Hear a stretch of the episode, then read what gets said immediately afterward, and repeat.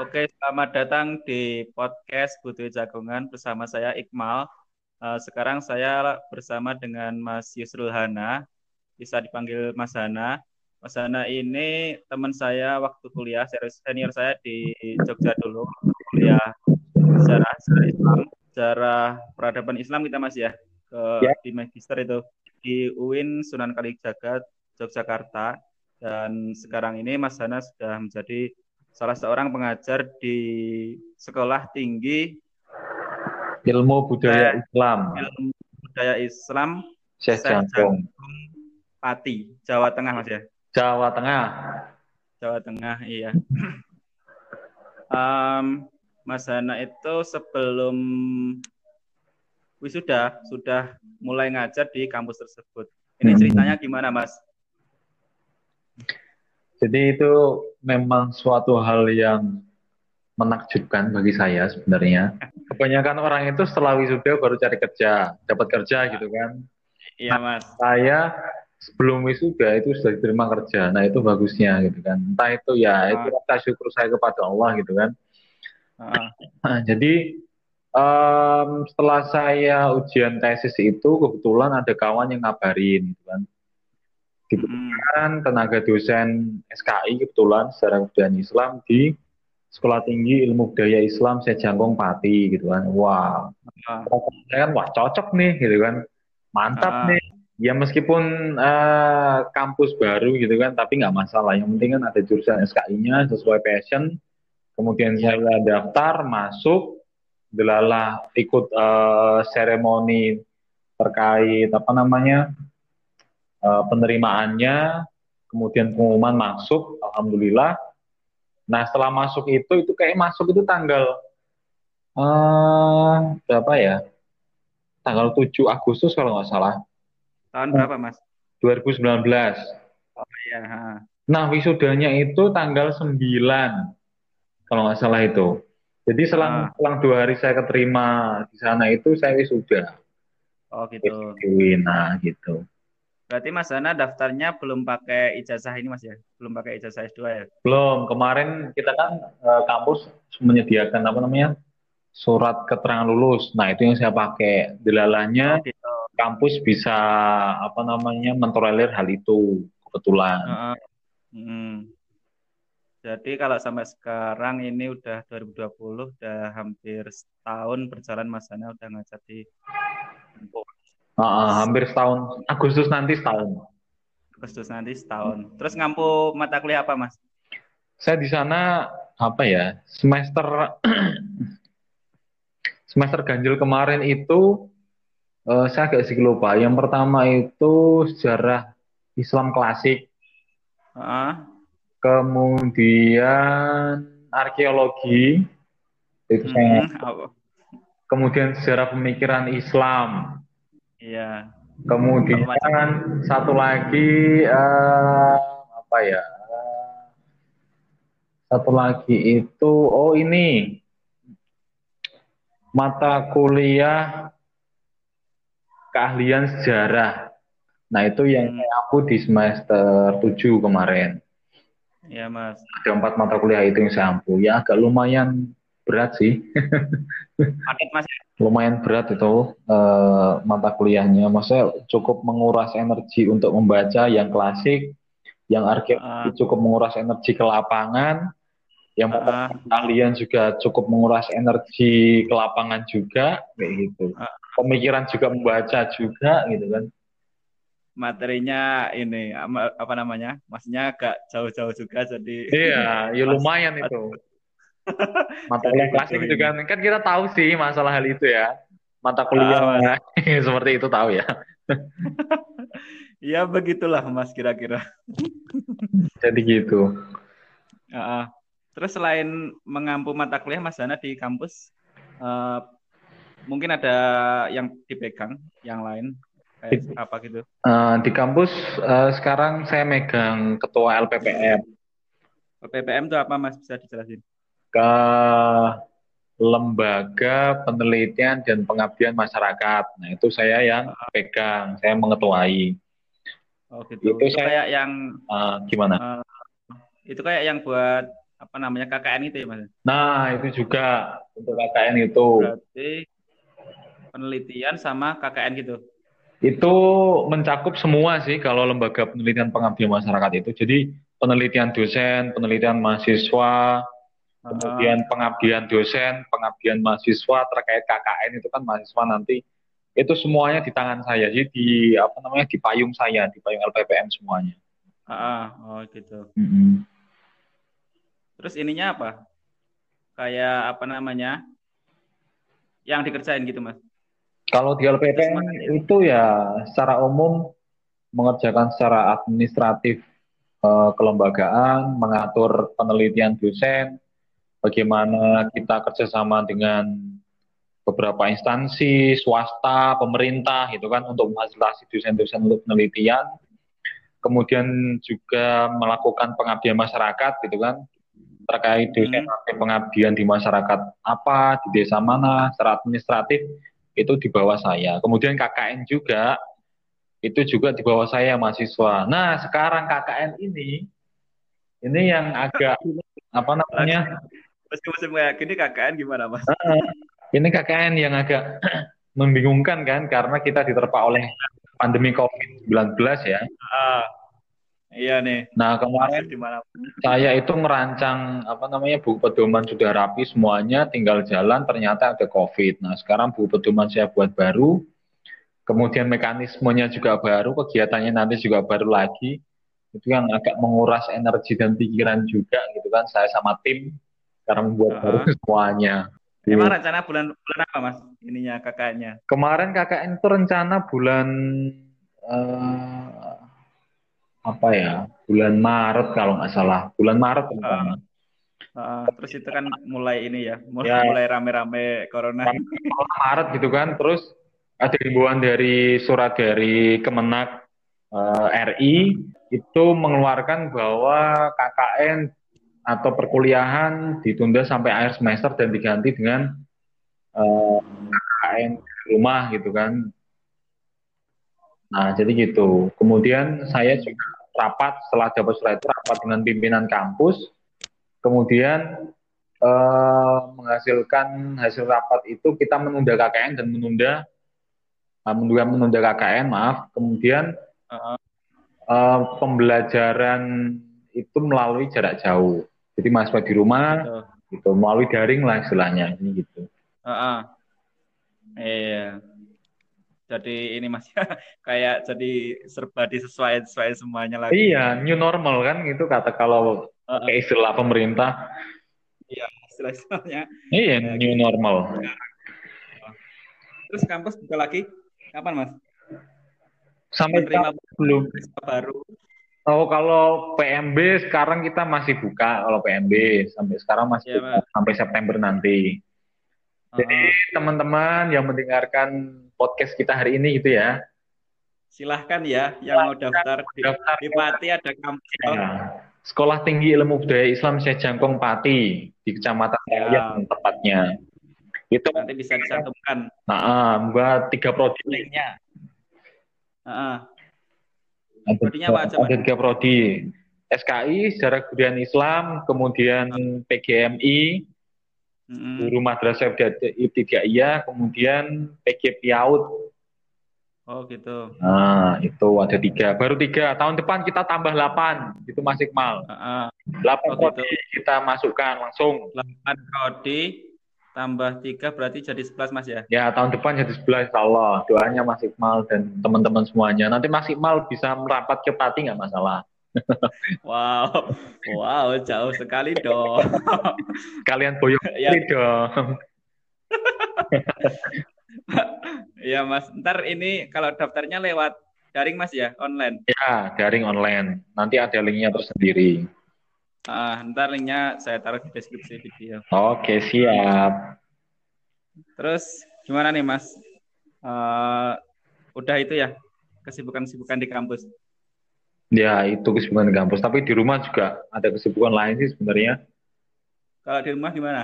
Kalau di rumah sekarang saya itu kesibukan di Karang Taruna karena kebetulan tahun uh. tahun ini saya menjadi ketuanya. Awas. Ketua Karang Taruna Desa Karangampel Pasti Mas Hana sibuk banget. Bener-bener lu mati mahasiswa kampus, struktural, pemuda di desa gitu kan. Iya Mas. Semakin di... Alhamdulillah nih. Nah.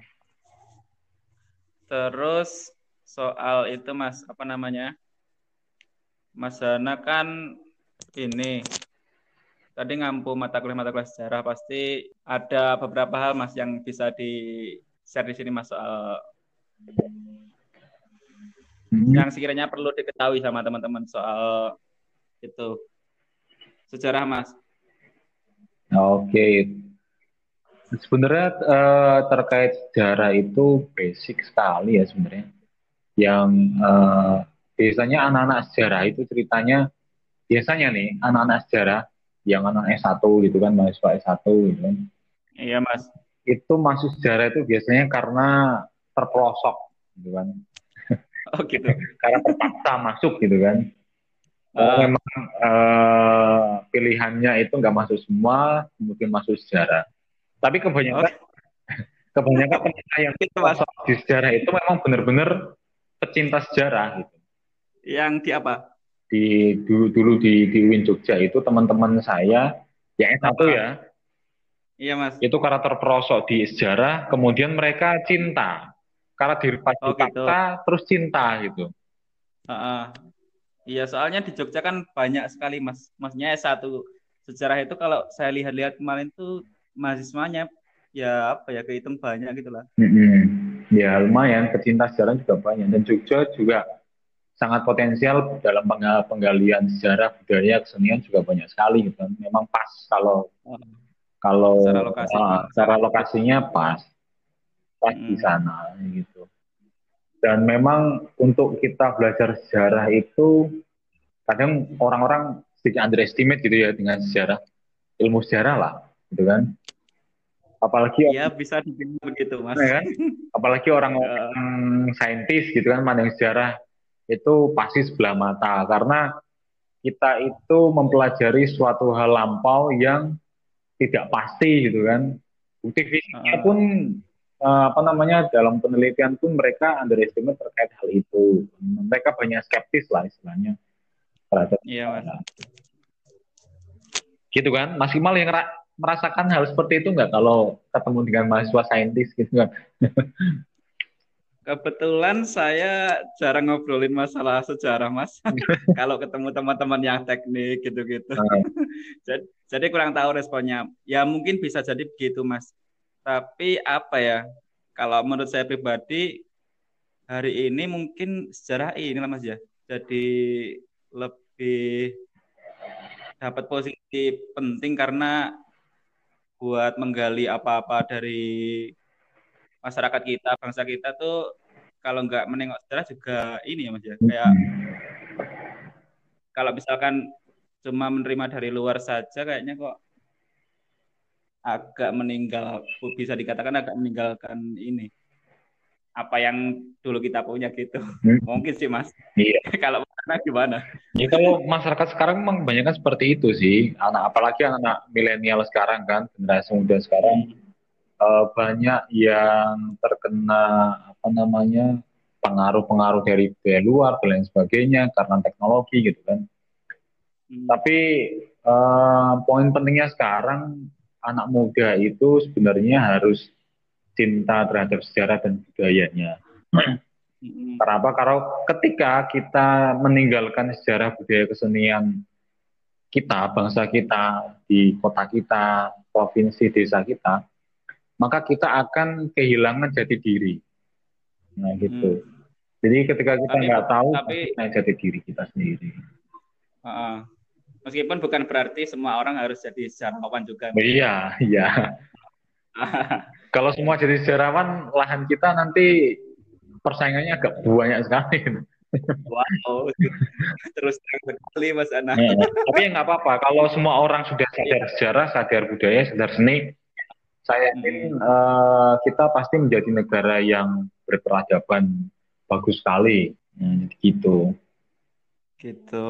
Terus apa lagi mas? Ini yang yang menarik itu uh, sebenarnya saya juga uh, senang sih masa masa-masa sekarang itu banyak sejarawan-sejarawan muda gitu kan terkhusus kita saya pribadi Mas Iqmal dan kawan-kawan yeah. di Magister UIN gitu kan di FPI UIN Jogja itu kemudian kawan-kawan di UGM kawan-kawan mm -hmm. banyak juga sejarawan muda nah itu sebenarnya yang membuat sejarah sekarang itu semakin booming sebenarnya semakin punya posisi sekarang dan semakin iya, oleh oleh beberapa masyarakat beberapa kalangan muda nah itu sebagai sebenarnya uh, counter kita terhadap pemuda-pemuda yang apa namanya mulai meninggalkan sejarah. Nah kita ini sebagai pengimbangnya pemuda yang suka dengan sejarah. Kita kan masih muda, masih mal ya.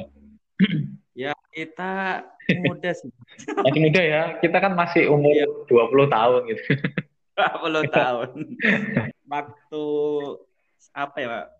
Uh, kuliah umum dari Pak Bambang Purwanto tuh Mas. Nah, tahun 2018 19 kemarin tuh ya oh, iya mas itu kan beliau bilang gini kalau biasanya pas ngisi seminar-seminar sejarah itu katanya yang datang tuh tua-tua gitu. Mm-hmm. tapi kalau di UIN itu yang datang kok ini masih bisa dipanggil adik-adik gitu.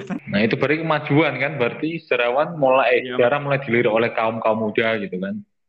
Uh, hmm. tapi memang kebanyakan uh, penulis sejarah itu para senior senior kita seperti uh, Pak Peter, kemudian Rick Lev kemarin yang uh, tahun kemarin kalau nggak salah itu yang meninggal gitu kan. Semoga ya, karyanya tetap kita kenang dan semoga Pak Rick Lev bisa masuk juga. Amin. amin, amin. Memang uh, kebanyakan buku-buku uh, yang booming itu di khususnya di Indonesia itu memang sejarawan-sejarawan senior seperti Pak Anhar, dan Anhar Gonggo. Uh, iya, ya, itu juga banyak seperti ini Uh, JJ Rizal itu kan salah satu juga itu yang di Kopam itu itu termasuk sejarawan muda juga. Uh, kemudian Mang Asep di Bandung itu kan itu oh, juga oh, salah satu Asep itu dia yang pendiri apa ya salah satu komunitas sejarah di Bandung itu termasuk muda uh. juga gitu kan. Uh. Nah saya juga di Pati ini Kemarin baru kemarin itu uh, tanggal berapa ya? Akhir awal bulan kemarin, awal bulan ini itu baru mengadakan webinar. Itu hmm. kita teman-teman dosen di STB Sejangkung Pati itu menginisiasi berdirinya masyarakat sejarawan Indonesia di Pati, MSI Pati. Ah, nah, ya. itu itu alhamdulillah kemarin kita sudah webinar, kemudian terbentuk strukturnya. Nah, ketuanya itu kebetulan uh, salah satu dosen kami, Kajur mm-hmm. uh, Prodi SKI, namanya Bu Nurul Fatimah. Itu juga lulusan UIN Jogja. Oh gitu. ya, pokoknya UIN Jogja membahana di Pati sekarang ini. Oh gitu. Iya. Jadi MSI itu apa yang lanjutannya dari MSI nasional itu, Mas? Iya, itu komisariat per wilayah istilahnya gitu. Jadi MSI oh. nasional punya komisariat per kabupaten, per wilayah. Kalau kita mendirikan di Pati baru kemarin, alhamdulillah sudah selesai diresmikan oleh Prof Fasino sebagai ketua oh. tengah. Itu salah hmm. satu uh, guru besar sejarah di UNES sudah yang kemarin sudah terbentuk semuanya. Alhamdulillah. Nah semoga nanti MSI Pati bisa aktif. Uh, amin amin. Ah. Itu ya meneliti sejarah-sejarah di Pati khusus di Jawa Tengah pada umumnya gitu kan. Iya mas. Nanti Mas Iqmal saya gandeng ke Pati gitu kan kalau saya butuh gitu atau kawan-kawan yang lain gitu ya. Siap mas. Soal nanti nggak tahu lah. Apa jalan-jalan sama istri kan? Kemarin baru menikah ya? Iya mas, uh, bulan Oktober mas. Kayaknya udah berapa ya? Enam bulan kayaknya. Enam bulan ya? Udah satu semester. Alhamdulillah. Semoga Mondok di rumah mertua. Iya nggak apa-apa. Semoga nanti cepat dapat momongan. Amin. Mas Hana juga nih. Gimana? Katanya udah udah ini juga mas udah nikah juga kan? Amin, alhamdulillah sudah nikah. Sekarang masih program hamil istri. Uh, Semoga nanti kita bareng-bareng apa istri kita bareng-bareng hamil, anaknya bareng-bareng apa namanya melahirkan bareng gitu ya. Saya laki-laki, Mas perempuan gitu ya. Boleh sekali. nanti kita teruskan terah sejarah ini gitu kan. Setelah saja kita lanjutkan. um, apalagi ya Mas ya, kalau saya tuh Mas ya, kalau saya ngerasa karena saya kan di sejarah ini uh, baru berapa tahun ya. Hmm. Kalau benar-benar berkecimpung di sejarah tuh baru ini berapa masuk kuliah di Jogja kemarin. Hmm. Terus pas mulai kuliah tuh saya ngerasa ini pas pulang kok saya ini soal daerah saya sendiri tuh banyak kurang tahunya gitu mas. Hmm. Nah ini saya nggak nggak maksudnya nggak mungkin nggak kalau sebelumnya saya tuh nggak kuliah di sejarah gitu. Jadi buat saya ya kuliah sejarah ini jadi menyadarkan saya bahwa ya itu bisa kenal banyak hal, bisa tanya tahu banyak hal, tapi soal daerahnya sendiri masih kurang gitu mas. Kalau saya sih. Ya memang kalau kita belajar sejarah itu kita akan tahu banyak hal. Jadi hmm. orang-orang sejarah yang masuk ke akademik sejarah atau akademi sejarah itu, kalau menurut saya mereka tuh orang-orang yang uh, sangat amat humanis, humanis sekali hmm. sangat menghargai orang hmm. lain, kemudian santun, kemudian berpengetahuan luas. Karena kita, hmm. Mas Iqmal juga kemarin merasakan kuliah di sejarah gitu kan. Kita mempelajari ya. sejarah itu mempelajari semua lingkup kehidupan gitu ya. Politik kita pelajari, ya, ekonomi pelajari, ah. budaya pelajari, kesenian pelajari gitu kan. Semua kita hmm. pelajari. Jadi kita mengerti betul bagaimana dinamika um, kehidupan di dunia, bagaimana dinamika perpolitikan, perekonomian, dan akhirnya nanti pun kita sebagai seorang sejarawan kita akan bisa mengambil sikap di masa ini dan ya, masa depan ketika kita mempelajari masa lalu itu yang penting kan. Mm-hmm. Ya meskipun tanpa ini mas ya tanpa ada maksud untuk mendiskreditkan bidang-bidang lain, tapi buat saya sejarah ini memang cukup menyadarkan sih hmm. apa namanya eh, terutama diri saya pribadi soal banyak hal tentunya. Hmm. Pokoknya seperti yang dibilang Mas itu apa namanya semua lini kehidupan jadi bisa kita apa namanya tahu ya makin tahu oh. makin ini makin karena dipelajari hmm. juga soalnya. Hmm. Dan memang uh, sejarah itu kalau menurut saya jurusan yang paling re relate lah untuk uh, untuk masa sekarang. Karena di masa sekarang di mana percepatan teknologi makin uh, cepat, uh, perkembangan-perkembangan makin cepat, semuanya kalau kita nggak mengikuti dengan belajar masa lalu untuk masa sekarang dan masa depan, kita pasti akan ketinggalan. Nah makanya kita sebagai manusia pada umumnya itu harus mengerti sejarah kita di masa lalu agar kita bisa memposisikan diri. Kalau kata Kunto itu kita uh, jadi sejarawan itu seperti kita berkendara, eh kita menumpang kereta. Oh, Naik di atas kereta yang oh. menghadap ke belakang, tapi keretanya terus jalan ke depan. Nah itu sejarah oh, itu. Iya. Udah, ada relnya. Nah gitu. gitu. Jadi kereta itu seperti dunia yang terus jalan ke depan. Nah kita sebagai seorang sejarawan itu tetap mengikuti masa depan, mengikuti kereta dengan alur masa depannya, tapi kita tetap melihat masa lalu, nah, gitu loh. Uh, Jadi kita tetap oh, dari iya. masa lalu untuk masa kini dan masa depan. Mm -hmm. Nah, iya sih mas. Dan eh, kalau... saya juga ingin menyampaikan bahwa kita sejarawan itu bukan dukun.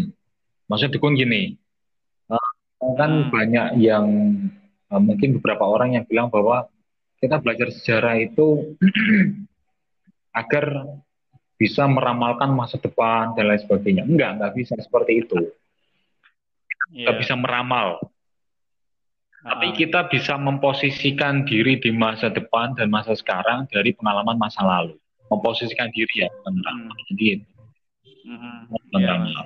Kayak kayak memang salah satu apa namanya fungsi dari seorang ilmuwan memang gitu mas ya memang salah satunya bisa ya kalau bahasanya apa ya ya kayak meramal tapi lebih-lebih ke ini ke mem, bisa memprediksi masa depan gitu karena memang sebelumnya udah tahu gini-gini hmm. ke depannya nanti kira-kira gimana nah itu itu sebenarnya sih bukan kalau menurut saya bukan ramalan bukan prediksi tapi memposisikan diri tapi gimana pak Oh gitu. Kita di masa depan. Karena kita sudah tahu masa lalu, maka kita baiknya memposisikan diri seperti ini agar uh, kesalahan masa lalu itu tidak terulang lagi di masa dan masa masa depan. Uh, karena kita apa namanya di sejarah yang dibahas macam-macam, kalau kita dibilang apa yang ngobrol sama banyak orang bisa nyambung, mungkin masuk akal juga. Iya, masuk akal sekali misalkan kita ngobrol sama teman-teman di jurusan lain, jurusan apa gitu mungkin ya meski kita tidak sedalam di sejarah, tapi ya dikit-dikit jadi bisa ini, maksudnya jadi bisa nyambung. Iya mengerti. Hmm. Pokoknya kita itu kalau anak sejarawan, anak sejarah, mahasiswa sejarah, itu orang yang paling fleksibel jadi paling apa namanya paling bisa mengikuti alur pembicaraan orang lain. Mereka bicara politik kita hayu gitu kan. Mereka bicara ekonomi kita hayu. Mau bicara budaya kita hayu gitu kan. Kita libat uh-uh. karena kita tahu semuanya gitu kan tapi mereka yang uh, jurusan politik ekonomi itu mengerti terkait budaya seni gitu kan dan lain sebagainya hmm. Hmm. kalau mereka nggak concern terhadap hal itu gitu kita kan concernnya semuanya gitu kan banyak sekali mata kuliah yang kita kita ambil itu kan yang kita pelajari di di mahasiswa gitu iya kemarin-kemarin kan juga ambil apa itu secara apa secara apa gitu bidang-bidang ada yang politik sosial ya, apalagi banyak, ya, macam-macam itu kan juga ini masih nyambung sama apa yang diajarkan kita di kampus soal penelitian juga yang memang ya memang kita ini sejarah yang diteliti tapi apa namanya buat um, memberi apa ya memberi bahasanya apa mas ya buat memberi gambaran mempertebal apa yang kita teliti di situ kita pakai semacam pendekatan-pendekatan lain selain sejarah gitu hmm, itu uh, apa namanya analisa lah kita menggunakan analisa dari ilmu ah. lain gitu kan pendekatan ah. apa gitu. Tapi yang terpenting bagi teman-teman sejarah itu, apalagi mahasiswa sejarah itu, kita jangan terlalu terpaku dengan nostalgia masa lalu, gitu ya. Nah, ya mas. Kita boleh mempelajari sejarah masa lalu, masa Nabi Muhammad, Khulafaur Rasyidun, Umayyah, Abbasiyah, dan lain sebagainya. Tapi jangan sampai kita berputar-putar hanya di sana. Itu hmm. kalau hanya berputar di sana, kita tidak bisa mengrelate di masa sekarang. Begitu. Nah, Jadi ketika kita meneliti masa lalu, itu direlatekan dengan masa sekarang. Kita warnai dengan masa sekarang. Kita bumbui dengan uh, masa sekarang. Begitu. Jadi ada sinkronisasinya antara masa lalu dan uh. Jadi meskipun yang dipelajari di masa lalu dan yang udah lampau-lampau jauh sekali, tapi kita tetap ini, tetap ya hidupnya di hari ini mau gimana lagi kan mas? Makanya. Dan kita harus relate di masa sekarang. Kita gunakan analisa masa lalu untuk uh, apa namanya kita terapkan di masa sekarang gitu kan. Seenggaknya kita analisanya kan gitu. Dulu itu masa saya oh, seperti ini Abbasnya seperti ini nah sekarang itu hampir sama dengan masa lalu seperti, seperti ini nah gitu loh jangan hanya terpaku muter-muter di sana aja kayak gitu di Menara Gading gitu kan di ah, sekali nggak nggak mau turun-turun ke masa sekarang gitu kan. Ya. Apalagi kalau maunya balik-balik terus balik sana. Iya, jangan ke masa lalu terus. Masa sekarang juga perlu diuruti. Kan, itu ya teman-teman semuanya yang uh, udah menyimak podcast kali ini obrolan saya dengan Mas Hana. Sangat banyak yang dijelaskan oleh Mas Hana. Terus mungkin Mas Hana bisa menggarisbawahi apa yang uh, perlu digarisbawahi dari obrolan-obrolan kita hari ini? Ya, yang terpenting um, para akademisi sejarah, mahasiswa sejarah, teman-teman saya yang seperjuangan yang concern di bidang sejarah, kita harus tetap menggali sejarah uh, negara kita, Indonesia, menggali sejarah lokal kita, baik di kabupaten maupun di provinsi, di kota-kota yang lainnya, untuk menambah kita agar anak cucu kita pun mengerti tentang sejarah negaranya, sejarah masa lalunya, kemudian mengerti tentang budayanya dan kesenian uh, Indonesia dan kota-kota kita yang tinggali. gitu. Oke, mm, itu dia tadi uh, yang disampaikan Mas Hana. Mungkin Mas Hana ada yang perlu di apa ya di iklankan? Atau apa sosial media yang Mas Hana buat teman-teman nanti yang mungkin perlu atau pengen menghubungi Mas Hana lewat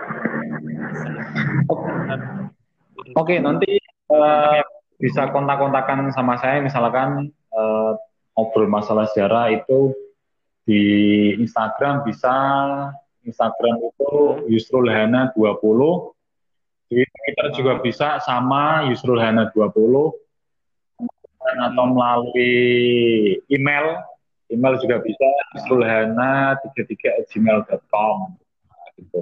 Oke, itu dia. Uh, kalau teman-teman mau menghubungi Mas Hana, mungkin cukup sekian dulu dan ntar kalau ada uh, obrolan-obrolan selanjutnya kita bakal lagi dengan Mas Hana. Cukup sekian. Terima kasih Mas Hana. Terima kasih Mas ya. Terima kasih. Oke, selamat beraktivitas Mas Hana melanjutkan hari ini dan seterusnya. Semoga sehat selalu. Okay. Terima kasih teman-teman yang sudah menyimak. Uh, saya tutup podcast kali ini. Oke, selamat datang di podcast Butuh Jagongan bersama saya Iqmal. Kali ini saya ditemani uh, sama Mila Rianti. Bisa biasa dipanggil Mila ya? Iya, iya. Uh, Mil ya, Mila. Mm -hmm. Mila yep. ini Mila ini teman saya di uh, Pare, ketemu di Pare kemarin waktu kursus bahasa Inggris. Uh, jurusan kuliahnya itu teknik geologi di Jambi. Kampusnya apa, Mil? Universitas Jambi. Universitas Jambi. Terus iya. mau ambil uh, teknik geomatika. Iya. Ambil teknik oh, iya. geomatika. Ya di ITS. Oh ya Mas Iqmal nggak ngenalin, aku tuh adiknya temen Mas Iqmal loh. oh iya, ah, teman-teman yang dulu satu alma mater sama saya, Mila ini adiknya uh, teman saya, teman saya di uh, pesantren, Jumari, iya, di satu angkatan di tapi dulu ya teman main gitu.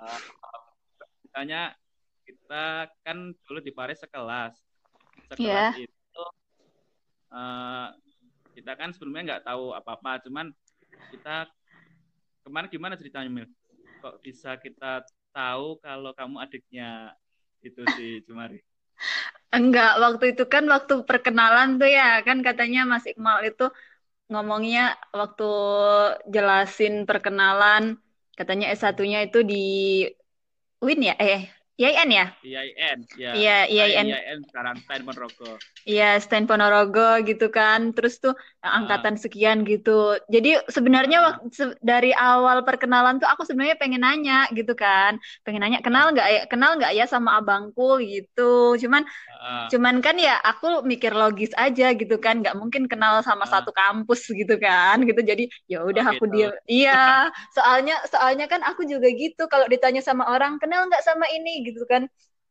Ya itu kebanyakan kalau ditanya kayak gitu aku banyakan juga jawab nggak kenal gitu kan. Soalnya ya mustahil aja kenalin satu satu semua mahasiswa di satu kampus gitu kan. Jadi ya udahlah never mind gitu kan. Emang gitu sih kebiasaannya. Memang kadang kalau ada yang tanya saya memang banyak nggak tahunya tapi kebetulan ini nggak tahu. Karena nggak tahu emang ya nggak tahu sih. Bisa ketemu Iya, terus kema terus kemarin itu kan di itu udah udah lama sebenarnya udah waktu kelas basic udah hampir selesai ya itu ya tahunnya ya. Uh, iya, uh, Iya, kan saya nanya-nanya kan. iya. Jadi nanya-nanya, nanya-nanya gitu. Terus ceritanya katanya itu uh, adiknya si Kemari ini. Ya udah. eh ternyata kenal beneran gitu ya ternyata kenal beneran dong saya tuh nggak nyangka loh karena ini si Jumari itu gede. Mila tuh kerdil banget dong. Kerdil gitu ya. Gak kerdil tapi jauh sekali sama abangnya. padahal padahal jaraknya cuma satu tahun loh. oh iya sih. Kok bisa gitu loh. Berarti Enggak. kamu tahun berapa? Angkatan tahun berapa? Aliahnya SMA. Hmm, SMA-nya aku di lulus 2014. Oh, berarti bener kan? Maksudnya selisih setahun itu. Iya. Kan 2013 lulus. Mm -hmm. Kalau aku sebenarnya 2012 lulusnya. Mm. Cuman sempat ini nggak langsung kuliah. Jadi kuliahnya 2013 otomatis bareng sama abangmu. Oh iya iya.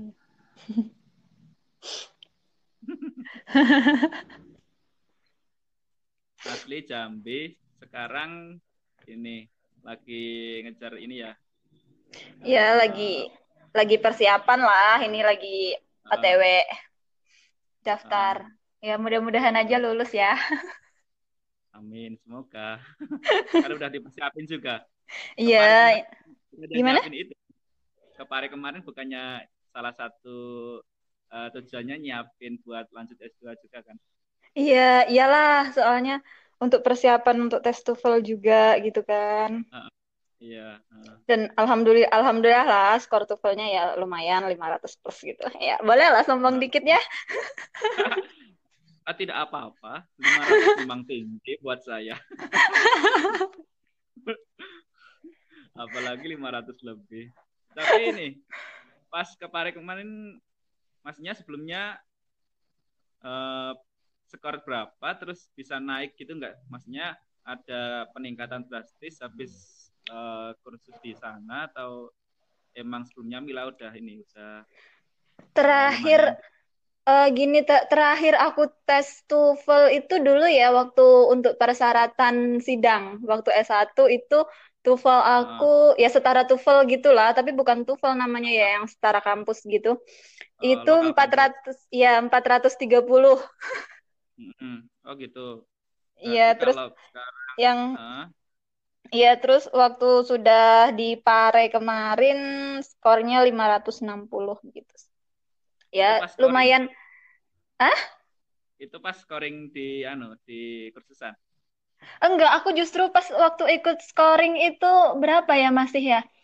sekitar nggak nggak nyampe nggak nyampe lima ratusan gitu empat ratus empat ratus tujuh puluhan gitu nggak nyampe lima ratus gitu. Terus tuh aku scoring mandiri gitu kan yang ngerja ngerjain soal-soal TOEFL gitu. Emang waktunya tuh emang aku manage banget waktu du waktu ya waktunya sama kayak tes TOEFL gitu.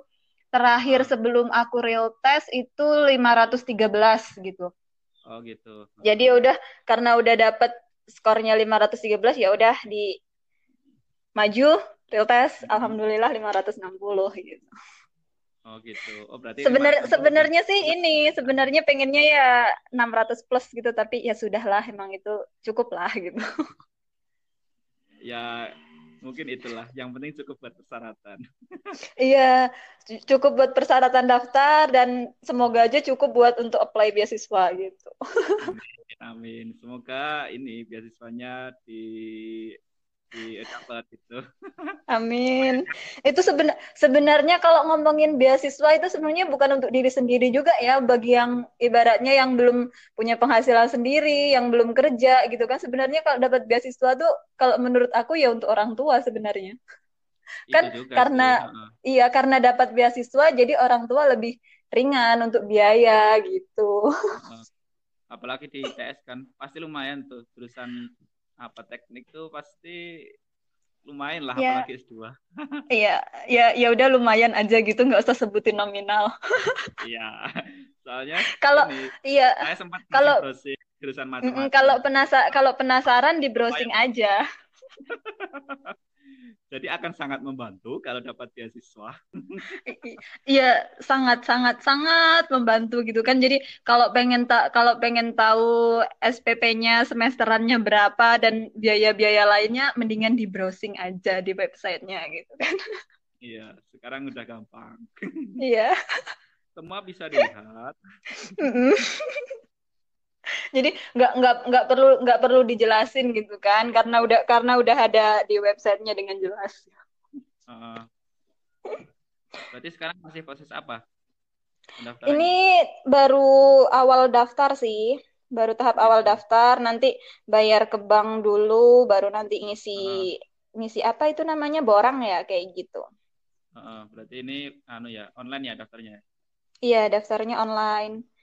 Habis ini kan ini seleksi berkas dulu, baru nanti kalau lulus berkas tes itu materi bidang, baru wawancara, baru tahap uh. akhir. Semoga aja nyampe tahap akhir lulus gitu kan. Amin. Emang cuma ambil ini di ETS doang? Gak, iya. Oh gitu. Iya, kalau kalau sekarang ambil fokus ke itu dulu. Soalnya kan gini ya, kalau nggak tahu kalau di ibaratnya jurusan lain atau apa gitu, kalau di kalau di teknik itu kan rata-rata kebanyakan setiap universitas tuh dia punya persyaratan beda gitu. Oh gitu. Iya, ada yang kalau kayak di ITS itu kan dia persyaratannya nggak cuma TOEFL tapi yang tes kayak tes TPK, TPA gitu. Ada itu uh. juga, tapi di universitas lain ada juga yang nggak pakai itu gitu. Jadi fokus ke mana mau masuk, terus tuh usahain penuhin persyaratan baru daftar gitu. Hmm karena persyaratan tiap universitas beda-beda gitu. Jadi fokus ke ITS dulu gitu. Oh gitu. Tapi sebelumnya udah lihat di kampus lain juga yang ada jurusan yang kamu tuju tuh? Udah. Sebenarnya banyak sebenarnya banyak sih pertimbangannya kenapa harus ITS gitu. Nah yang... itu yang saya mau tanyain. Iya kan kalau yang Jakarta dan Jambi maksudnya. Uh -uh. terus ambilnya kenapa di Surabaya? Apa karena apa Enggak, kar karena sebenarnya ini ya, untuk teknik itu rata-rata yang kayak teknik geologi, teknik geomatika, ya, dan yang lain itu sebenarnya kalau yang untuk di Sumatera, aku nggak terlalu explore yang universitas di Sumatera ya, cuman rata-rata hmm. yang S2 yang menyediakan S2 emang kampus-kampus di Jawa gitu kayak yang ya tahu ya tahu lah sendiri kan yang kampus-kampus yang ya yang sekali itu gitulah pokoknya. Uh, Iya soalnya nggak semua universitas tuh nyediain jurusan itu gitu. Jadi uh, ya cuman ya cuman beberapa kampus gitu.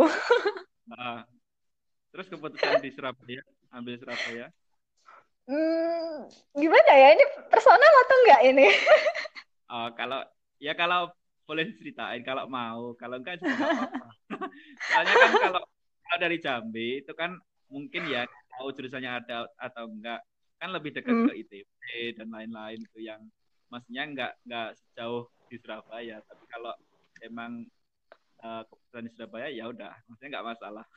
Oh ya yang pertama yang ber yang pertama.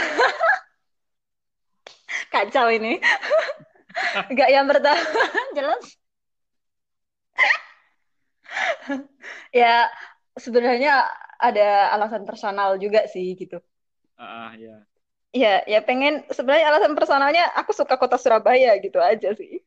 Oh gitu. Iya, ter, terlepas di sana ada siapa, ada apa gitu, ya udah suka aja gitu.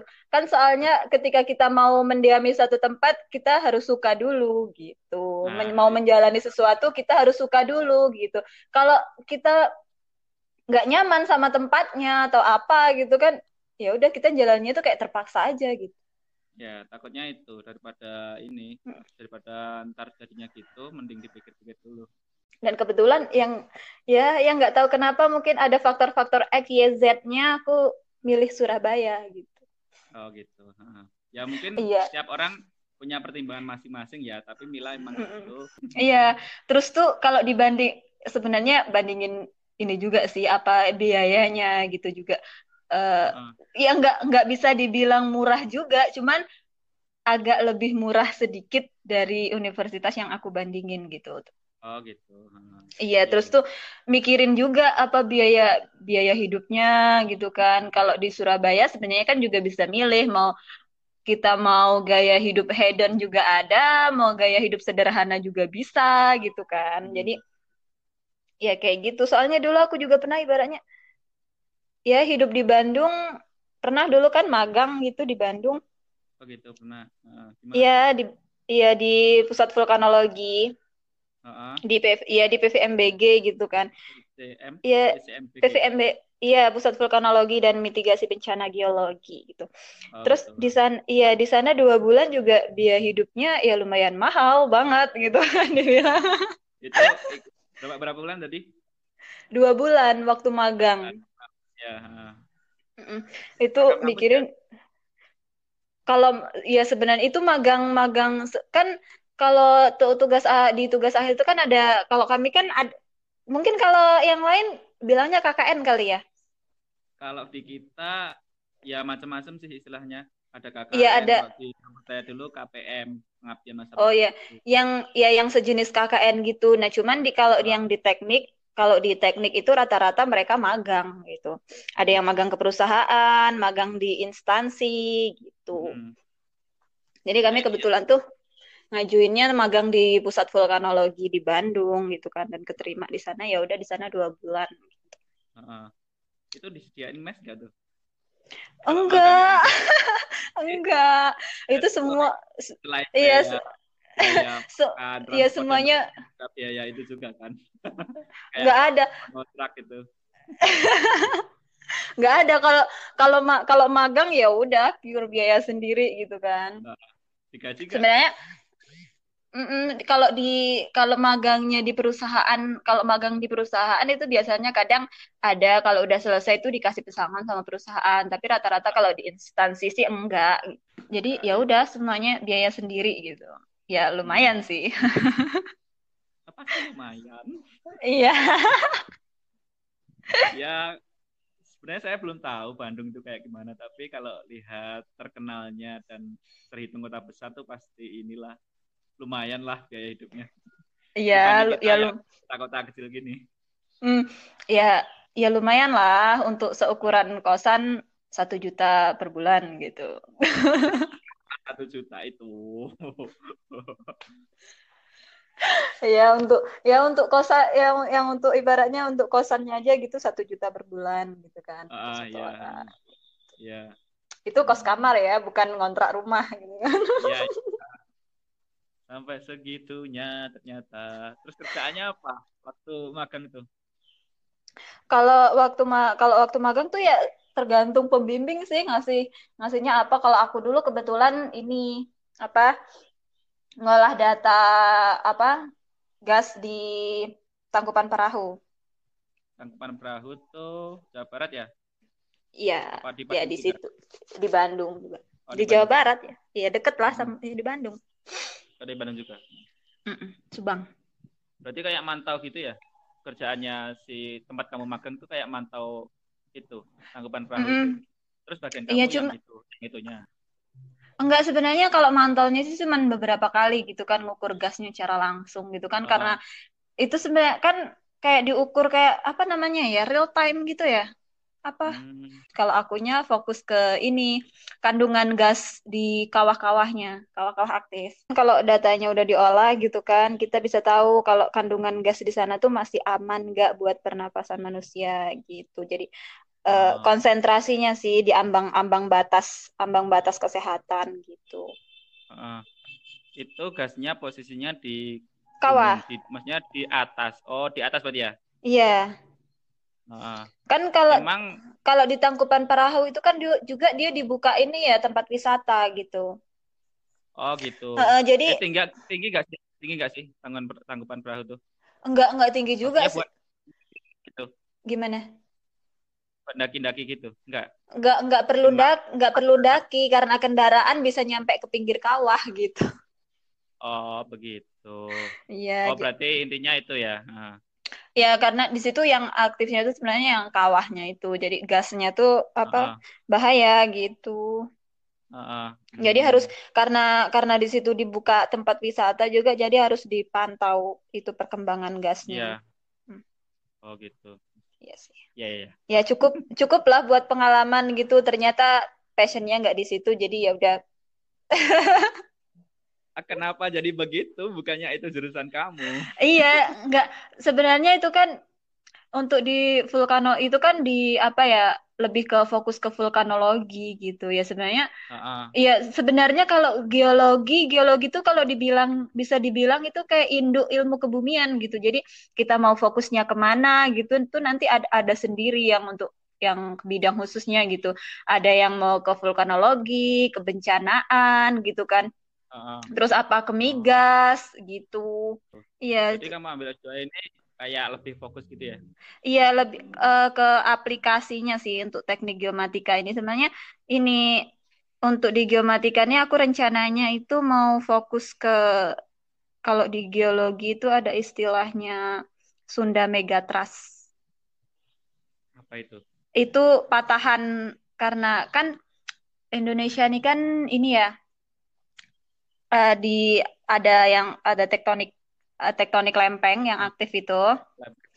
Ya. Nah, jadi Sunda Megatrust itu ada di pertemuan lempeng tektonik itu. Jadi ketika jadi kan lempeng itu kan dia terus bergerak ya, bergerak setiap tahun berapa senti gitu. Jadi ketika ada pergerakan itu pasti ada menimbulkan getaran atau kemungkinan ketika ada pergerakan itu ada menimbulkan patahan gitu kan karena secara lokasinya itu kan di bawah laut gitu ya. Jadi fokusnya iya fokusnya ke situ tuh uh, akan menimbulkan uh, akan menimbulkan gempa atau akan menimbulkan tsunami itu ada kemungkinan. Hmm. Jadi aku mau fokus ke situ sih ke uh-uh. ke patahan Sunda Megatrust itu. Patahan Sunda Megatrust, oke. Okay. Iya. Itu kalau mau mau lebih jelasnya cari di internet juga ada gitu aja sih. Nanti kan aku uh. ya kar karena aku emang bukan ahlinya gitu kan masih masih mau belajar uh. masih belajar masih mau explore lebih jauh. Jadi kalau emang ada yang tertarik atau apa gitu explore lebih jauh cari di ya di buku-buku adalah di jurnal-jurnal gitu itu udah banyak sebenarnya penelitiannya karena emang kalau di kajian kebencanaan di geologi untuk Indonesia itu emang menjadi uh, main attention lah gitu kayak jadi kayak jadi perhatian gitu kan. Jadi sebenarnya ada lucunya juga sih. Kalau aku pernah kalau aku bahas itu tuh ya setidaknya aku nggak akan uh, jadi orang yang ketika ada bencana terjadi tidak menyalahkan pemerintah gitu aja. Jadi pengen lebih tahu itu aja sih. Karena karena kita ini ya ibaratnya kalau kita tuh hidup di antara ya kita orang awam kita berteman dengan orang awam gitu kan pasti pernah deng pasti pernah deng pasti pernah dengar kan ketika terjadi bencana terjadi apa pun lah itu mau banjir mau tsunami gempa bumi atau apa pun itu ada tuh selentingan gitu kan salahin pemerintah. Pernah pernah dengar nggak pernah dengar nggak? Ya ada ya ada. Nah ya nah jadi aku nggak pengen jadi salah satu orang yang kayak gitu gitu. Jadi aku belajar aku pengen pengen tahu itu sih. Setidak Tapi setidak kalau gimana? kalau kita basicnya bukan anak teknik apalagi anak teknik uh, yang bahas soal itu. Uh. emang kita kita bisa paham gitu mil. Kalau misalkan baca-baca terus kita cari-cari di internet gitu. Nah, itu sebe sebenarnya bisa bisa paham juga sih. Sebenarnya kan itu, itu ilmu alam ya gitu. Sebenarnya konsepnya kalau dibilang konsepnya mudah sih nggak juga gitu kan. Cuman nah.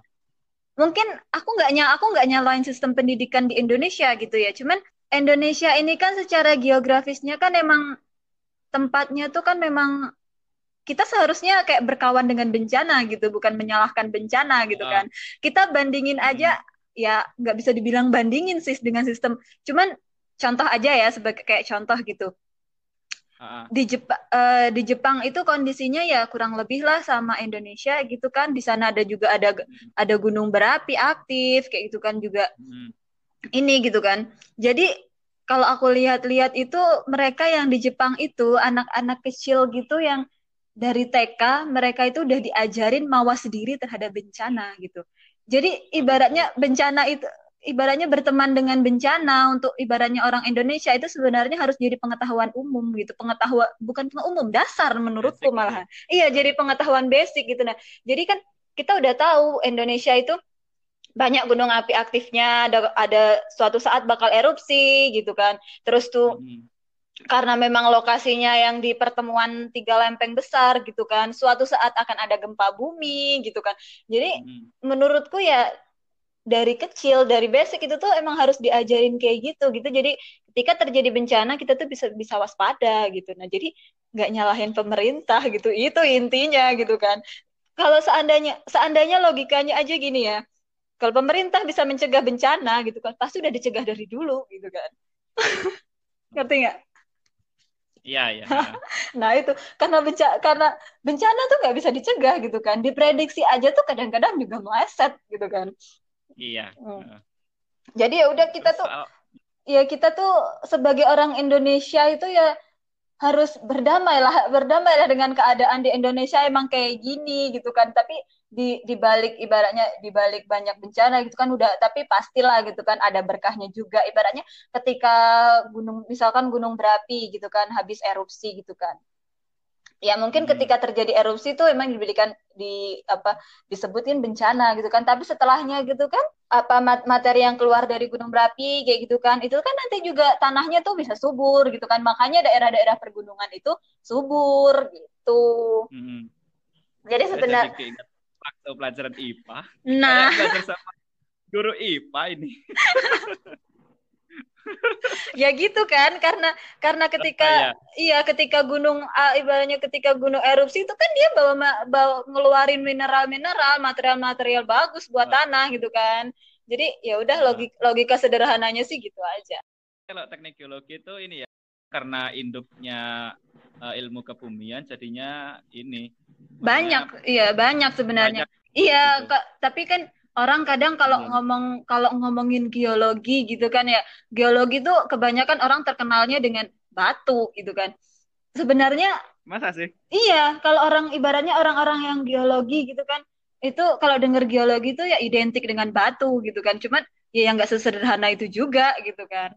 Uh, oh, iya kalau kalau kita ngomongin geologi oh batu gitu kan. Pasti orang yang ibaratnya yang yang agak-agak tahu sedikit dengan tentang geologi gitu pasti mereka ngomongnya batu gitu. Ya karena emang basicnya kita ya emang batu sih ya. Gimana? Kok bisa batu? Kan iya. bumi batu lah kerak bumi itu kan ini batu ya kulit yang keraknya. Iya, kulit bumi. Coba kalau kita baca nah. tentang apa struktur bumi itu kan yang untuk kok lapisan luar bumi itu kan kerak bumi itu kan tersusun dari rata-rata itu kan dia batu gitu kan. Batu bek, batuan beku, oh. sedimen, metamorf kayak gitu kan. Nah, terus itu kan kita ekspor yang ada di permukaan bumi gitu. Dan ibaratnya ibarat ibaratnya orang yang kejurusan migas pun mereka juga membahas tentang ini apa pelajarin susun apa batuan-batuan formasi yang ada di daerah itu tuh apa kayak gitu kan. Terus tuh nanti tuh yang batu batuan uh, batuan yang mengandung migas tuh gimana kayak gitu. Ya udah pokoknya kalau untuk geologis tuh ya udahlah. Uh, secara garis besarnya tuh ya kita belajar batu gitu. Oh jadi kamu misalkan uh, ada orang mau gali sumur berarti kamu tak bisa tahu dong ini di mana yang airnya lebih ini lebih lebih cadangannya lebih banyak gitu-gitu bisa tahu nggak? Eh, itu sebenarnya kalau kita ini ya pakai alat gitu kita bisa tahu. Oh, uh. Ya ya ya nggak mungkin lah kita kalau nggak nggak ibaratnya nggak dibantu pakai alat itu kan untuk di untuk ke bawahnya kayak gitu tuh kan kita tahu itu ya namanya peramal itu namanya kan. Uh, iya, cuman kalau di geologi kayak gitu bisa dipelajari ya? Eh, bisa gitu kan daerah daerah ini misalkan uh, untuk di untuk di daerah tertentu gitu kan itu susunan uh, batuannya itu apa gitu kan. Sebenarnya ada sih untuk pem uh, pemetaan geologi namanya. Kalau daerah-daerah yang dekat gunung apa ya gunung kapur itu kan kadang airnya ini ada kayak kapur-kapur gitu loh mas iya kalau itu kami Jadi, bilang kalau itu kalau di geologi dibilangnya itu karbonat batuan. Karbonat oh, ya gitu. uh. ya batuan karbonat gitu Oh gitu. Iya, coba Oke, coba di, dikasih ini, tahu nggak HCl? Oh, ini. Air HCl. air ya HCl. Ketika dikasih HCl oh, ya. gitu kan, kalau dikasih HCl itu kalau untuk batuan karbonat itu dia kayak ada gas gitu. Mm -hmm. Itu sih di kalau di daerah pegunungan kapur gitu ya.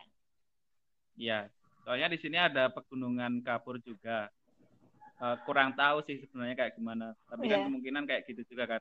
Iya, yeah, coba aja, coba coba aja bawa HCl gitu kan, terus tuh uh. ditaruh di batu kapurnya kayak gitu kan. Itu kan biasanya gamping, uh. kalsit gitu. Uh.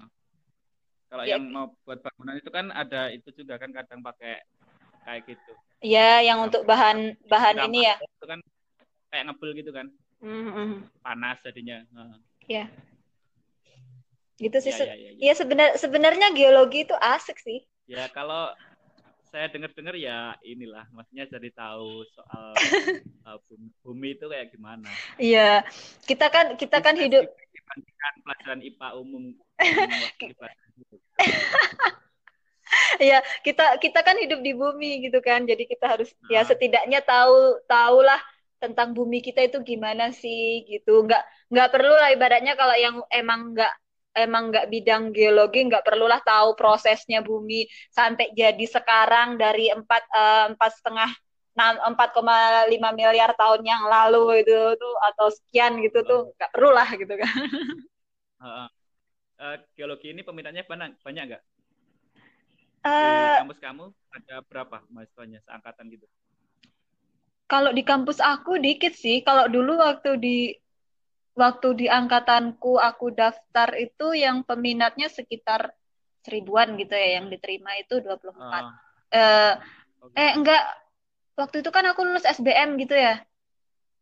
Lulus uh. SBM SBMPTN itu peminatnya sekitar seribuan gitu yang diterima 10. Oh gitu. Iya. Emang kuota segitu atau kuota kuotanya kuotanya emang segitu. Jadi satu kelas itu di kalau di kan geologi untuk di Universitas Jambi itu kan baru ya gitu. Jadi emang cuman uh. sat, adanya cuma satu kelas gitu isinya tuh sekitar 35-an orang gitulah. Itu udah sel dari seleksi SNMPTN, SBM sama UMB gitu. Ah, uh, oh segitu. Iya. Nggak banyak. Kalau secara umum? Kalau secara umum, maksudnya di kampus-kampus lain, tahu Kampu, kam, di kampus-kampus lain itu banyak gak? rata-rata kalau teknik tuh peminatnya mereka yang bisa dibilang gimana ya? Aku kalau ngomongin agak agak susah juga sih. Emang itu passionnya mereka gitu kan. Tapi kalau di uh. tapi ya kalau dibandingkan dengan misalkan kayak yang jurusan jurusan IPS lah yang kayak ekonomi apa keguruan atau apa uh. itu itu beda jauh banget. Okay. Pasti peminatnya lebih sedikit gitu kan. Soalnya yang udah masuk aja itu kalau di teknik itu tahu sendiri kan, salah satu hal yang menentukan faktor kita lulus atau enggaknya kita bisa menghadapi seleksi alam atau enggak. Um, maksudnya gimana tuh Mil? Gini kalau di kalau di teknik itu kita lulus kita keterima di universitas itu bukan satu hal yang bisa dibanggain. Kita bisa lulus ah. dari universitas itu baru itu bisa bangga gitu kan. Soalnya emang berat ya. Iya soalnya kita kita keterima di universitas itu belum tentu kita tuh keluar dengan hormat gitu. Tahu nggak istilahnya itu? Kalau saya belum pernah dengar. gimana itu? Karena jadi ini uh, jadi tuh ada yang berhenti di tengah jalan ya. Itulah istilah istilahnya tuh gitu. Jadi mengikuti ya seleksi alam tuh gimana yang kuat yang bertahan gitu aja. Oh gitu. Jadi tapi bukan tapi bukan karena kuliahnya berat atau gimana? Ya karena itu juga sih salah satu faktornya. Kalau kuliahnya enak-enak oh. aja orang nggak ada yang mundur gitu kan. Jadi itu iya. nggak ada jadi kalau di teknik itu kayaknya nggak ada ya yang rata-rata kita masuk bareng kita lulus bareng yuk gitu itu kayaknya oh, gitu. sesuatu yang berat gitu loh yang ada pun paling ya lulusnya beberapa orang yang bareng gitu kan wisuda bareng hmm. gitu kan jadi itu sesuatu yang nggak bisa direncanain gitu soalnya hmm. apa ya yang ya dari mulai kita magang kita mulai kita penelitian itu tuh emang ya udah mandiri gitu loh nggak bisa gitu. Iya, ibaratnya kan kalau orang KKN gitu kan, oh bareng-bareng gitu kan sidang, ibaratnya seminar proposal ada yang bareng-bareng gitu kan. Kalau kita ya udah mandiri, kalau udah mulai tugas akhir ya udah kita jalan sendiri-sendiri. Hmm. Jadi kalau ibaratnya yang lain itu ibaratnya ya ya kalau kita butuh bantuan ya kita bantu, tapi bukan berarti tugas akhir tuh dikerjain bareng-bareng gitu ya. Udah tugas akhir kerjain sendiri gitu. Hmm. Jadi nggak ada tuh yang namanya buat skripsi berkelompok gitu kan. Iya. gitu sih, cuman ya jadi makanya kalau di geologi itu asal nggak di DO aja gitu mau lulus tujuh tahun juga bodo amat gitu kan asal nggak di DO gitu kan emang jadi rata-rata ya rata-rata kalau di geologi tuh ngomong um, bukan di geologi aja ya gitu kan di teknik gitu kan mereka ngomongin uh-huh. lulus berapa tahun tujuh tahun ya udah biasa aja sih yang penting gak di DO gitu Iya. ya karena orang kan kadang ya ada ada sih yang nyampe mereka yang berada di titik jenuh gitu ya uh. kadang orang berada di titik jenuh karena dia bosan gitu kan kadang ah bosan biasa kenapa sih biasa-biasa aja gitu kan bosan gitu kan. Yeah. cuman kalau di teknik itu bosannya kenapa sih harus gini terus? Kapan enaknya? gitu loh. Kadang ada ada di suatu titik kita tuh kayak udah mencapai kesulitan gitu dan terus tuh kayak pengen apa ya pengen cooling down sejenak lah gitu kan. Hmm. ya kayak kayak gitu. Jadi aku aja aku aja dulu gimana ya waktu kalau di semester 1 semester 2 sih sebenarnya masih mata kuliah dasar ya kayak sama lah kayak SMA gitu kan Nah, ketika udah di semester 3 itu kan udah materi materi materi apa? materi kuliah apa mata kuliah inti lah gitu kan. Itu sempat ngedown banget waktu itu. Wah, di semester 3 ini berat banget menurutku gitu kan sebenarnya apalagi di awal-awal masuk aku tuh nggak tahu geologi tuh kehidupan dunia geologi tuh kayak apa gitu kan. Jadi uh. waktu di semester 3 sempat ngedown sih. Kok gini uh. amat kok gini amat ya gitu kan. Ini yang terlalu susah apa aku yang terlalu payah gitu. Jadi kayak sangat baru gitu ya? Iya baru gitu kan. Jadi ya itu mikirnya tuh gitu. Ini yang materinya yang susah atau akunya yang payah atau akunya yang bebal gitu. Kok kayak hmm. kok gini amat gitu. Jadi tapi waktu itu sempat pengen udahan aja gimana ya? gitu. Aku di semester tiga itu sempat pernah mikir udahan aja gimana ya? gitu loh. Cuman apalagi dulu tuh ya sempat ada sempat ada lah godaan gitu kan. Waktu uh. itu ah kuliah kayak gini susah amat gitu kan. Terus tuh kan uh. waktu itu kan ada ya ada ya ada yang deket gitu kan. Jadi mikirnya apa nikah aja kali ya? gitu Wadaw. Aku pernah aku pernah aku pernah mikir kayak gitu gak sih? Dan kayak ah kuliah kuliah kok susah amat sih gitu kan. Nikah aja gimana ya? aku sempat mikir gitu. Jadi ketika aku cerita gitu kan sama ya orang yang sebidangku lah gitu kan. Ya kalau kami itu kan ya biasa ya yang kalau ngomong sama sebaya tuh ya biasalah ngomongnya ya emang gitu ya agak rada-rada kasar gitu kan jadi uh. ketika aku ngomong kayak gitu susah amat gitu kan, terus aku ngomong soal curhat, ada yang ini gitu kan, ada yang mau ngelamar aku, aku apa aku nikah aja ya gitu kan. Wow, wow, wow, wow. Jadi sampai itu yang nah yang nasihatin aku itu bilang, ih kau tuh goblok nian katanya gitu kan terusnya perkara kuliah yang hanya beberapa tahun aja kau mau nyerah jelas mau nyerah jalaninya katanya. Terus kau mau milih nikah yang akan kau jalani seumur hidup katanya. Kau ini tolong atau gimana? Katanya gitu. Dari situ aku langsung wah aku bilang. Kayak serasa ditampar gitu loh. Uh -uh. jadi kuliah yang kayak gini aja katanya gitu kan. Yang ibaratnya yang cuman akan kau jalani beberapa tahun paling mentok tujuh tahun kalau enggak ya udah di DO gitu kan. Kau mau nyerah katanya gitu. Nah kau milih nikah katanya gitu kan. Emang nikah tuh kalau nanti kalau stuck mau gimana katanya gitu. Ya juga ya dari dari situ tuh langsung kayak ibaratnya pemikiran aku terbuka gitu kan. Jadi iya. Iya jadi gitu kan. Kuliah aja yang cuman kayak gini ibaratnya yang kayak gini yang yang nggak akan aku jalanin seumur hidup gitu kan. Yang ibaratnya ketika aku udah berada di titik aku nggak bisa ngapa-ngapain lagi aku bisa nyerah gitu kan. Dengan segampang itu aku nyerah gitu kan. Terus pilihannya hmm. nikah itu kayak ya emang beneran kayak nggak logis gitu kan. Jadi hmm. ini sebenarnya cuma nasihat nasihat aja sih dari pengalaman gitu kan. Yang yang mungkin barangkali yang ibaratnya yang pendengar gitu kan ada yang ngalamin hal sama kayak kayak aku gitu kan. Mengalami kesulitan waktu kuliah waktu kuliah gitu kan. Bosen waktu kuliah atau apa pun itu gitu kan. Terus yang ibaratnya yang milih nikah aja gitu kan. Mendingan nggak usah gitu.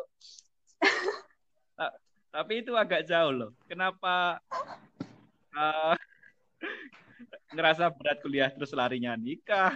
Ya tahu nggak sih beberapa orang itu memiliki mindset kuliah itu menunda pernikahan Oh gitu. Nah, tahu nggak? Iya. Jadi ketika iya beberapa orang itu memiliki mindset kuliah ya karena menunda pernikahan gitu.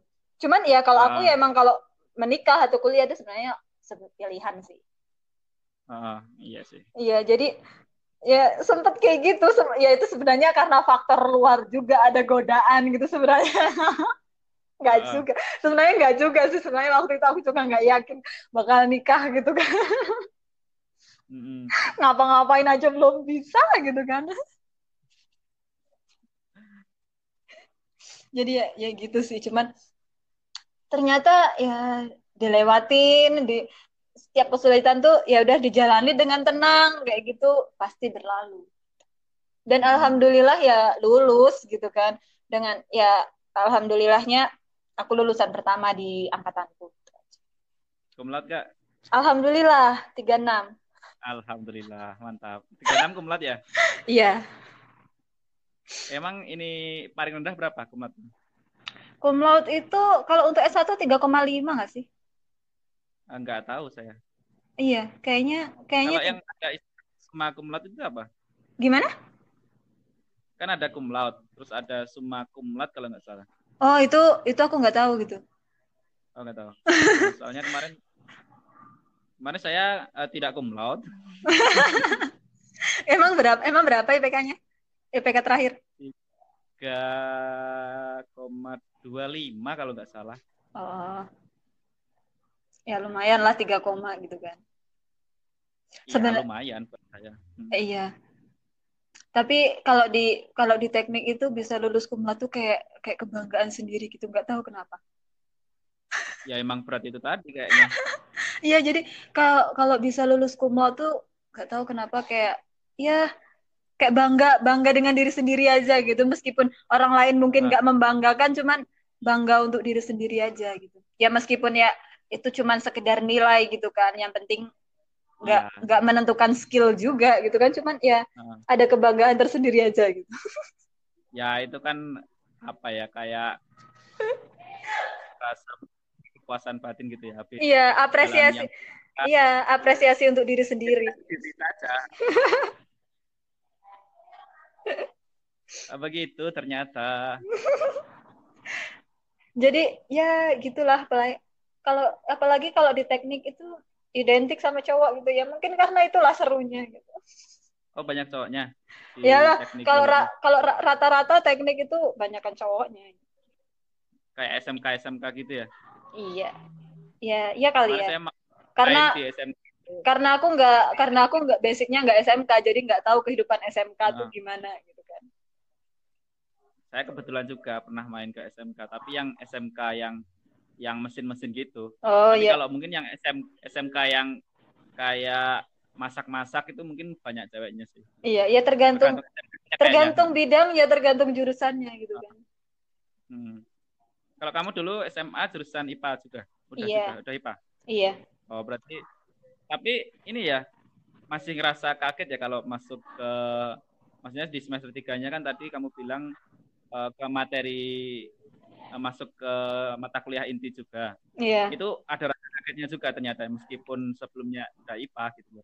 Ya kaget banget soalnya itu ilmu baru gitu lah. Di di ah. ibaratnya kalau di SMA tuh kita nggak diajarin kebumian gitu, tau nggak? Ah. Ya ibaratnya paling kalau ini pengetahuan umum doang kali ya.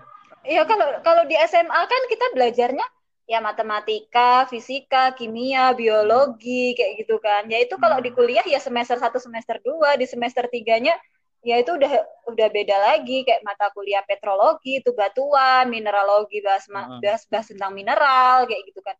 Itu uh-huh. udah beda jauh banget. Ibaratnya yang di SMA aku nggak pernah dapet gitu. Uh-huh. jadi itu paling kalau soal bumi di SMA itu di geografi kali ya? Iya di geografi iya, sih? iya apa Tapi, lagian iya lagi pula kan kalau di geografi kan kita bahas secara geografisnya. Kalau ini uh, kita bahas Iya, kalau di geografi ya namanya geografi kan kita bahas tata letak ibaratnya kayak gitu kan. Secara geografis uh. Indonesia terletak di koordinat sekian sekian bujur timur koordinat sekian kayak gitu kan. Uh. Jadi kalau di geologi itu ya yang ya lebih ke ke buminya sih, ke material penyusun bumi itu apa aja gitu kan. Apa yang ada di bumi, uh. kenapa bumi bisa jadi seperti sekarang, proses apa aja yang udah hmm. mempengaruhinya gitu itu sih yang berarti yang dulu-dulu juga Dian ya dipelajari juga ya?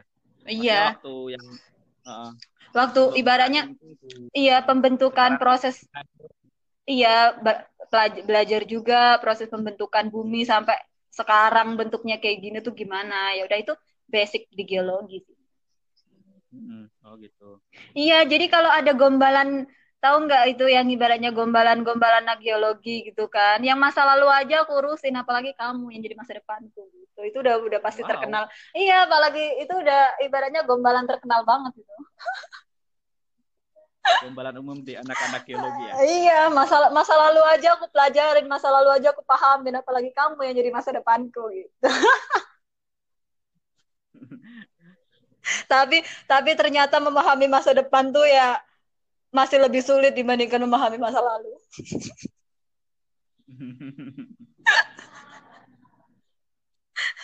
Terus soal geomatika Mil, gimana nih?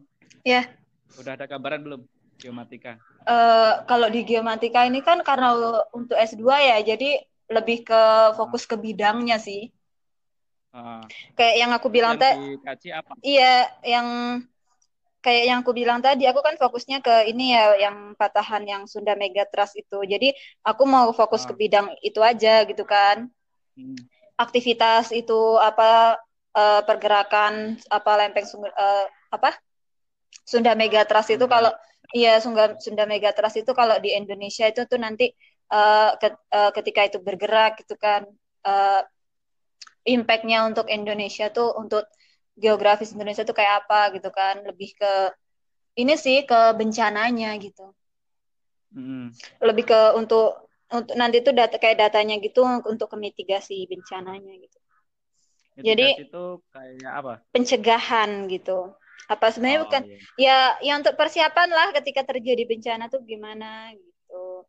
Nah, jadi itu kan kalau untuk Sunda Megatrust sendiri ya gitu kan. Itu kan sebenarnya kan karena tektonik uh, aktif lempeng gitu kan. Jadi untuk ini bisa tahu nanti itu kan terjadi misalkan gempa gitu kan di kedalaman sekian gitu itu tuh nanti hmm. bakal uh, cuman akan menimbulkan getaran gempa aja atau nanti itu bakal menimbulkan tsunami juga gitu. Hmm. Apalagi kalau yang di daerah Sumatera itu kan yang yang fokusnya ya ke daerah pesisir lah, pesisir Sumatera Barat gitu kan, yang kayak di daerah Padang atau apa gitu kan, Bengkulu kayak gitu kan. Itu kan emang rawan rawan ini ya, rawan bencana gempa bumi gitu kan, tsunami gitu apalagi itu kan emang daerah ah. pesisir gitu kan. Jadi ya nanti kayak aku fokusnya juga mau ngambil ibaratnya kalau lulus gitu kan penelitiannya tuh mau ngambil yang di Sumatera Barat. Oh gitu, udah ada gambaran gitu ya? Ya, ya karena itu dituntut sebelum daftar. Oh iya, emang persyaratan sebenarnya S2 tuh kayak gitu.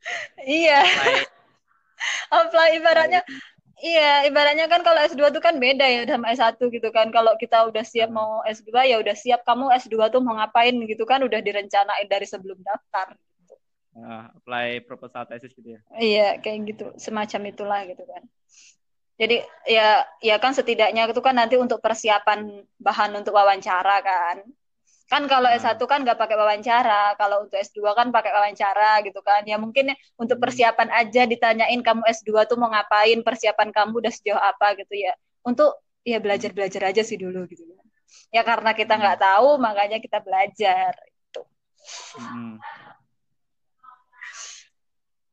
Terus nanti masih ada materi nggak kalau itu di ITS tuh? Masih, kayaknya untuk kalau aku lihat-lihat sih di semester 1, semester 2 gitu. Itu masih ada nah, kemarin hmm. Gimana? Nah, kemarin lihat di posternya kampus apa ya UI kalau nggak salah tuh hmm. ada beberapa jurusan yeah. di apa ya di fakultas apa gitu itu ada uh, jurusan S2 yang masih ada materi, ada yang langsung penelitian. Oh gitu. Kalau sebenarnya kalau di ETS tuh juga ada yang kayak gitu juga. Dia ada yang uh, sebenarnya kan ini ya ter jalur uh, kita masuknya pakai jalur apa gitu ya kalau kita reguler itu nanti itu ada masih ya, kayaknya masih ada materi gitu di semester 1 atau semester 2 sampai hmm. semester 2 gitu terus ada juga dia yang S2-nya jalur riset kalau jalur riset itu dia nggak materi lagi tapi langsung kayaknya langsung ke penelitian gitu cuman kalau jalur riset tuh agak gimana ya ya agak berat sih kalau menurut aku gitu ya sebenarnya tergantung iya tergantung orang iya mereka yang ibaratnya udah ada pengalaman kerja gitu Mm-hmm, yang emang gitu Uh, uh, ibarat terus tuh mereka yang punya jurnal yang diterbitin secara internasional kayak gitu yang emang awalnya mm-hmm. dari awal udah pernah terlibat penelitian kayak gitu. Mm-hmm. Jadi kalau aku kan peng, uh, rencananya ngambil yang reguler. Mm-hmm. Jadi masih dapat materi-materi gitu. Iya, materi ya, ya untuk untuk nambah ilmu sih sebelum penelitian ke tesis gitu. Hmm. Ya, sebenarnya ke kemarin kan kalau di ITS itu kan untuk geomatika itu kan sebenarnya ada juga sih yang kelas internasional gitu kan. Kemarin ya lihat-lihat juga sih, tapi kayaknya ya udahlah nggak usah gitu kan daripada mempersulit diri sendiri. Ya udah ya jalur reguler aja. Bedanya apa kalau yang kelas internasional? Kayak uh, yang mahasiswanya dari luar juga gitu ya? Uh, sebenarnya itu enggak juga sih, cuman kalau kelas internasional tuh ya ya mungkin tarafnya yang lebih lebih di atas lah gitu yang kalau kelas internasional tuh dia lebih gimana ya? Aku kurang ini juga yang jelas nanti gelarnya beda gitu. Oh gitu. Iya. Yeah. Aku kirain cuma bedanya itu ada mahasiswa dari luar terus uh, pengantar kuliahnya itu pakai bahasa Inggris gitu-gitu. Ya itu kalau di kela kalau kelas itu mungkin ya kebanyakan pakai bahasa Inggris gitu kan ya karena jalan uh -uh. ya karena jurusan udah tahu sendiri kan jalurnya itu yang kelas internasional uh. kayak gitu. -hmm. Terus yang jelas ya harganya beda. Oke. Okay. terus tuh sepertinya ya, sudah pasti. Iya, itu udah pasti gitu kan. Kalau terus tuh iya gelarnya kalau nggak salah nanti tuh beda juga dengan yang hmm. jalur reguler atau jalur riset. Oke, okay, ya ya ya. Oke. Okay. Ya. Apalagi mil kayaknya. Apa ya yang didiskusiin ya? Dari tadi Mungkin udah kita bikin ini. Kita bikin ini. Mungkin kita bikin berseri gitu. Waduh. Kita bahas yang lebih kalau mau kalau mau kalau nggak iya. mau ya nggak mau enggak seben sebenarnya bisa aja sih gitu kan cuman bahas apa uh. gitu bahas apanya nanti di ini lagi uh -uh. Mm -hmm. It, kalau itu mungkin yang bisa nentuin topik kamu Iya iya iya. Ini kan Nanti. ini kan dikit dikit dikit kayak gambaran umum soal geologi, geomatika. Ntar kalau kamu yeah. udah masuk, semoga masuk. Kan Amin bisa ya Allah. lagi lebih jauh soal geomatika. Iya, atau yeah, yeah, yeah. uh, pelajaran-pelajaran dulu soal geologi mm. bisa share ke aku. Iya iya iya. Asal asal nggak ditanya kapan nikah aja gitu kan, insya Allah aku akan cari jawabannya. Wow, kalau itu kamu boleh tanya ke abang kamu.